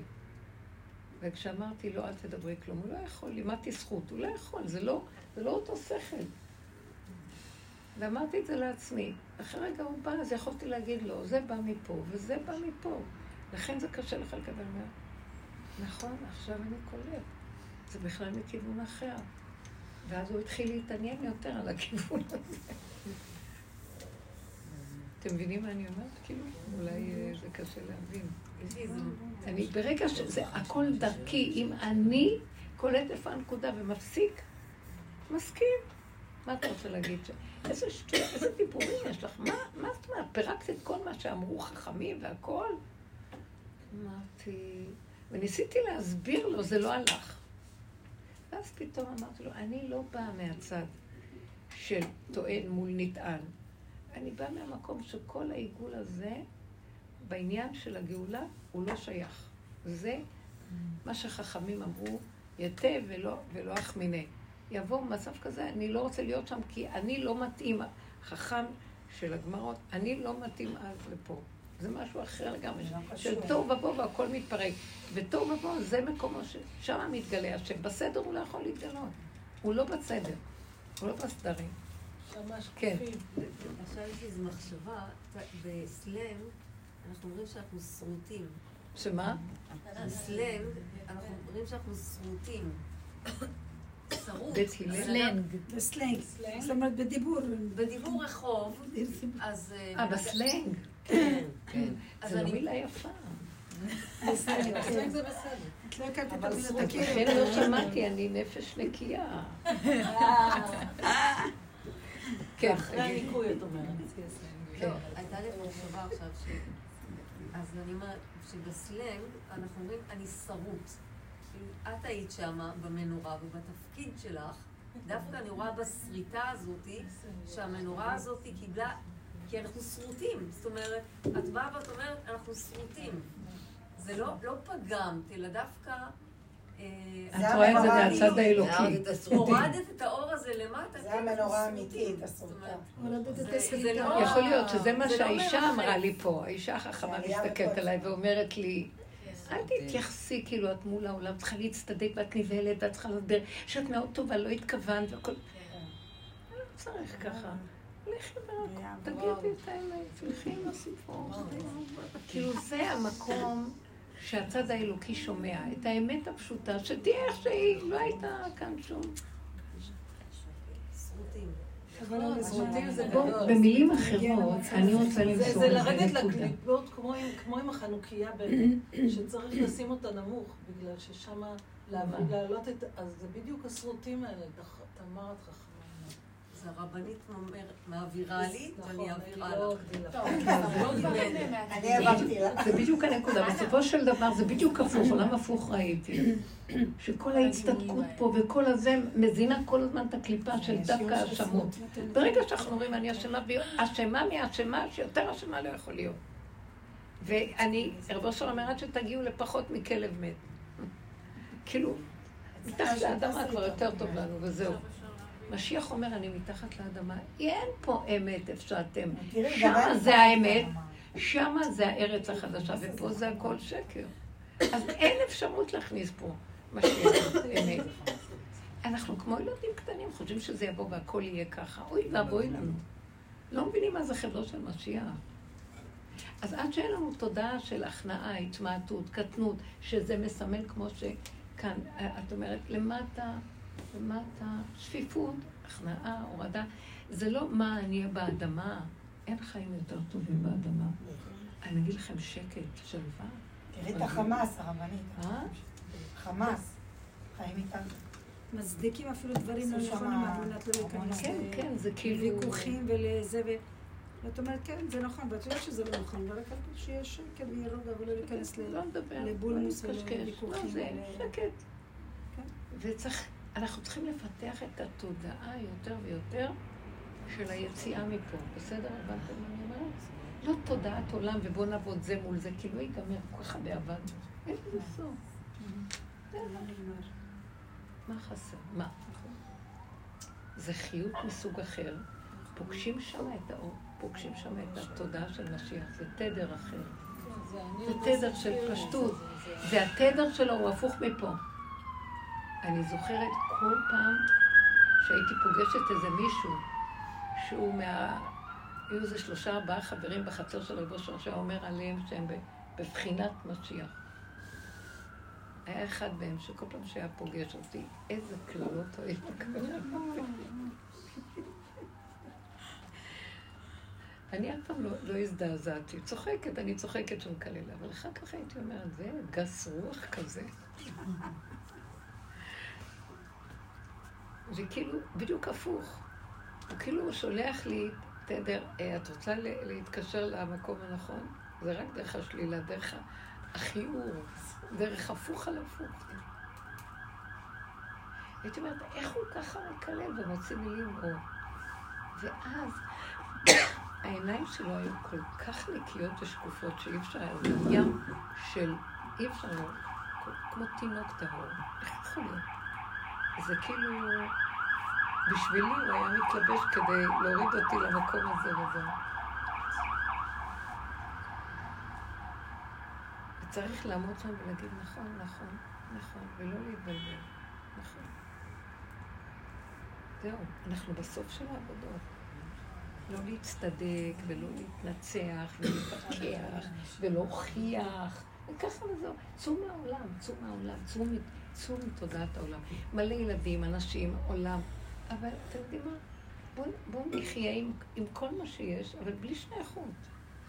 בלי שייכות תודעתית, אה, שאת תוכל לענות, להסביר, להצטדק, להוכיח. אנחנו עושים המון עבודות כאלה, אבל אנחנו עדיין אנחנו לא עושים את זה ברצינות, אנחנו לא יורדים ברצינות מהעולם, הבנתם מה אני מתכוונת? להיות בעולם זה הכוונה, בוא נשתמש בו, הוא טוב. במעט שכבר נשאר לנו כוח להשתמש, אנחנו כמו דגים מתים. אבל להשתמש בו, אנחנו בעולם, אבל לא בתדר של הפסיכולוגיה והדיבורים וההבנות וההצגות וגירוי תגובה וכל הסיפור הזה. לא. לממש את זה. כי אין לזה סוף פה. זה גונן. אין לזה סוף. מעוות לא יכול לזכות. נמצאים ולא נמצאים. נכון.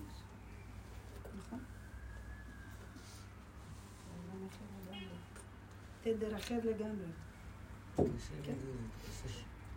זהו, זה הזכרות שלי. היום אנחנו נורא רציניים. זה נכון. השארת אותנו אבל אני אגיד לכם תכינו, בוא נכין רציני, בוא נהיה יותר, בוא נרד, נרד. הכוונה, די, די.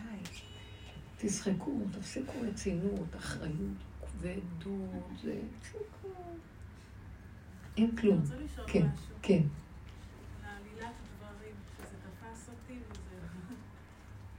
מנקודה מסוימת שהיא נמצאת אצלנו, ואז נבנה איזשהו סיפור.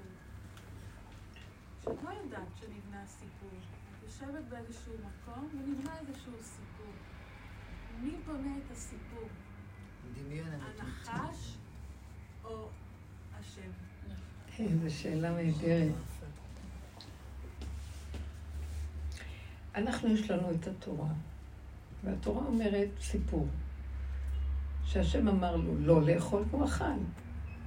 אני לא יכולה להגיד שזה הנחש. השם אמר לו, אל תאכל.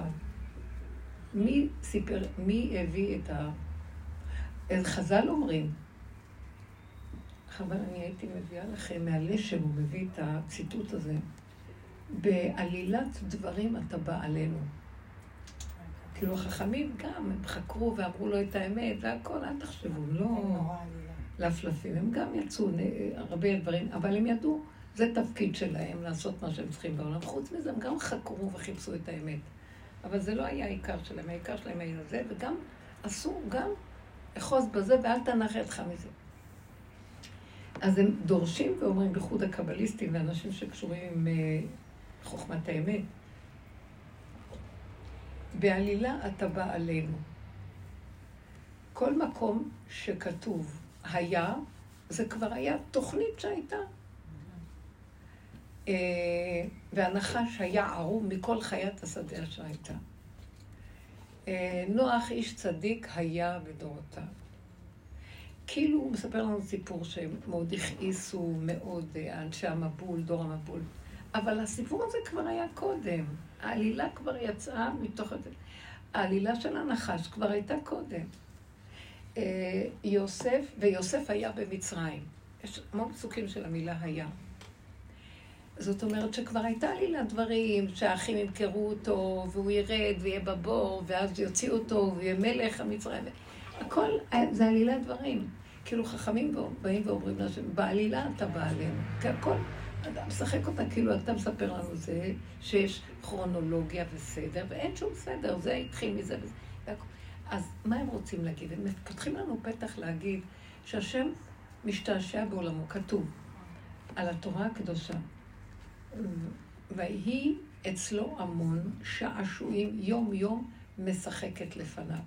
זאת אומרת, לפני שהתורה ירדה להינתן לבני אדם במתן תורה, המלאכים אמרו, מה אנוש תזכרנו, בן אדם, אל תיתן את התורה לבני אדם, הם ילכלכו ויקלקלו אותה. בכל אופן, התורה הייתה אלפיים שנה לפני מתן תורה, היא הייתה שעשועים אצל השם. צריך להבין גם מה זה אלפיים שנה, לא יודעת אם זה בדיוק שנים, או זה סוג של ספרות ודרגות. אה, לכן, הזמנים הם שונים פה. כמו שאומרים, ביום ההוא יהיה השם אחד ושמו אחד. במצב הזה, זה לא יום ידוע. הנה יום הוא יוודע להשם. יש יום שרק השם הוא ידוע. זה לא יום כמו שאנחנו אומרים יום, זה מצב כזה. גם כתוב יומו של השם זה אלף שנה. היום שלנו זה 12 שעות, זה לא... בכל אופן, אז היא הייתה התורה, שזו תוכנית שהשם ברא בעולם, תוכנית הבריאה, היא עוד לפני שנברא העולם, התוכנית הייתה קיימת. והוא היה משתעשע איתה. ויהי אצלו המון, אני הייתי אה, כמו המון פדגוג, הייתי אצלו כמו מפונקת שלו, נשענת עליו, משחקת לפניו יום-יום. יום-יום אמרו זה אלפיים, אלף ועוד אלף, יום של השם זה אלף שנה. אז בכל אופן, מה זה משחקת לפניו? הייתי, היינו משתעשעים. התורה היא יחידות, היא שעשועים, היא חוכמה עתיקה ומדהימה. לא כמו שמה שנתנו לנו פה זה השבירה והסיפורים שנכנסו לתורה. בשורש של התורה יש חוכמות מדהימות, יש כל האפשרויות, יש מה שלבשה לו בבוקר, לא לבשה לו בערב, היא באה אליו מכל הזוויות, אי אפשרויות, חוכמה אדירה. אה, מתפתלת, משחקת לפניו כל מיני, זאת אומרת שהיא מכילה את הכל. וזה מה שנקרא עלילה. כל נורא עלילה. אנחנו אומרים כל נורא עלילה, המציא לנו... מה המציא לנו? מחילה בשעת... כן, תמציא לנו איזה מחילה להימלט מפה, כן, אין לזה סוף. ביום הכיפורים, באמת, אם תופסים את זה, בעבודה הזאת, בשנים האחרונות, אני רק אומרת, תן לי מחילה לצאת מפה. לא, אה, יצאנו מיום כיפור מלאכים, בואו נחזור, אנחנו בשמיים. תורידו אותי, אני אקלקל אחרי שנייה, אני יוצאת לקלקל. אין אפשרות, תרחם עליי. כי אנחנו קולטים את התוכנית פה. זה אמר קהלת מעוות לא חד כל. זה דברים שאסור לדבר אותם כל הדורות. אני מבחינת אישה מגלה סוד. מגלה יאללה, כי זה זמן עכשיו להוציא את הראש החוצה, להתחיל להביא אור חדש. אז זה מושך כדי שאנשים יבינו, חבל לכם על הכוחות. כאילו נותנים לי רשות קצת לדבר. לגלות סודות, אחרת לא נתנו, כן? והדבר הזה, לא סתם, אני לא רוצה סתם לדבר, אני רוצה שנשתמש בזה. שנשתמש בזה, נפסיק לקחת רצינות כאן. יש כאן תוכנית שהוא ברא, והוא משתע, משתעשע איתה. כתוב שהקדוש ברוך הוא שם את הלוויתן ואת שור הבר כמו כניגים, אה, כמו השעשועים של המלכים שהיו שמים חיות שמתנגשים אחד עם השני, והמלכים משתעשעים לראות את זה. הלוויתן נוחר עם הסנפירים שלו את השור הבר, והשור הבר מנגח עם הקרניים שלו את הלוויתן ויורד להם דם. והשם משתעשע. אפשר להבין את הדבר הזה? לא, סתום הכל, אפשר להבין כלום. לוויתן זה יצרת לשחק בו. כן? כתוב בפרק תהילים. כולם אליך יסבר ולתת אוכלם ביתו, תפתחנו כותותו, תסתר פניך יבהנו, תוסף רוחם מגבהון, ישוב אל הפרה. הוא אומר, לוויתן זה יצרת לשחק בו, להשתעשע איתו. אתם יכולים להבין את זה? כי זה פה דמיון. אל תצטערו, חיילים לא מתים. אל תצטערו. הם עוברים אטמוספירה אחרת. זה תודעה של חלום. הם חיים, אנחנו פה מתים. זהו. אבל אנחנו נגיד, ואתם הדבקים בהשם אלוקיכם, חיים כולכם היום, שואלתך קיוויתי השם. תודה רבה לכם יקרות, שיהיה חנוכה שמח, שיהיה אור שבעת הימים ירד עלינו, ומחר, יום השמיני של חנוכה זה יום מאוד גדול, שזה מעל כל ה... זה השעשועים. השמיני זה, השמיני זה, ספירת החוכמה, זה התוכנית של התורה הקדושה לפני שירדה לעולם. זה, זה השמיני. זה נר חנוכה, שמיני של חנוכה. מה לעשות מחר? תדריכי אותנו. לרקוד כל היום? אני אגיד לכם משהו, אל תיקחו רציני, תבקשו מהשם, תתרחקו מההתרגשות והמוח הזה שמפרש ומעציב ונותן לנו משמעות ופרשנות. ולכו בהכרת הטוב, כמו ילדים קטנים, תודה, תודה, תהנו בקטנה, ותגידו, רק תעטוף אותנו בראש שלך, שלא נתערבב עוד פעם בתודעה של העולם. זה קשה, אין לי כוח כל הזמן ליפול, לקום, ליפול, לקום. אין לי כוח, אין לי כוח, אין לי כוח. תופסת איפה הנקודה, הלכתי עד הסוף בהודעה באמת, הכי האשמה שיש, וגם זה אני כבר לא רוצה להסתער, כי ככה זה וזהו, זה עלילת דברים. כן, נורא עלילה. הכל במזימה מאוד נעלמה מעיני כל חי. תודה רבה לכם, יקרות. תודה רבה. רבנית, היה כיף, נורא התגעגעתי אלייך, לא ראיתי אותך שבוע שעבר.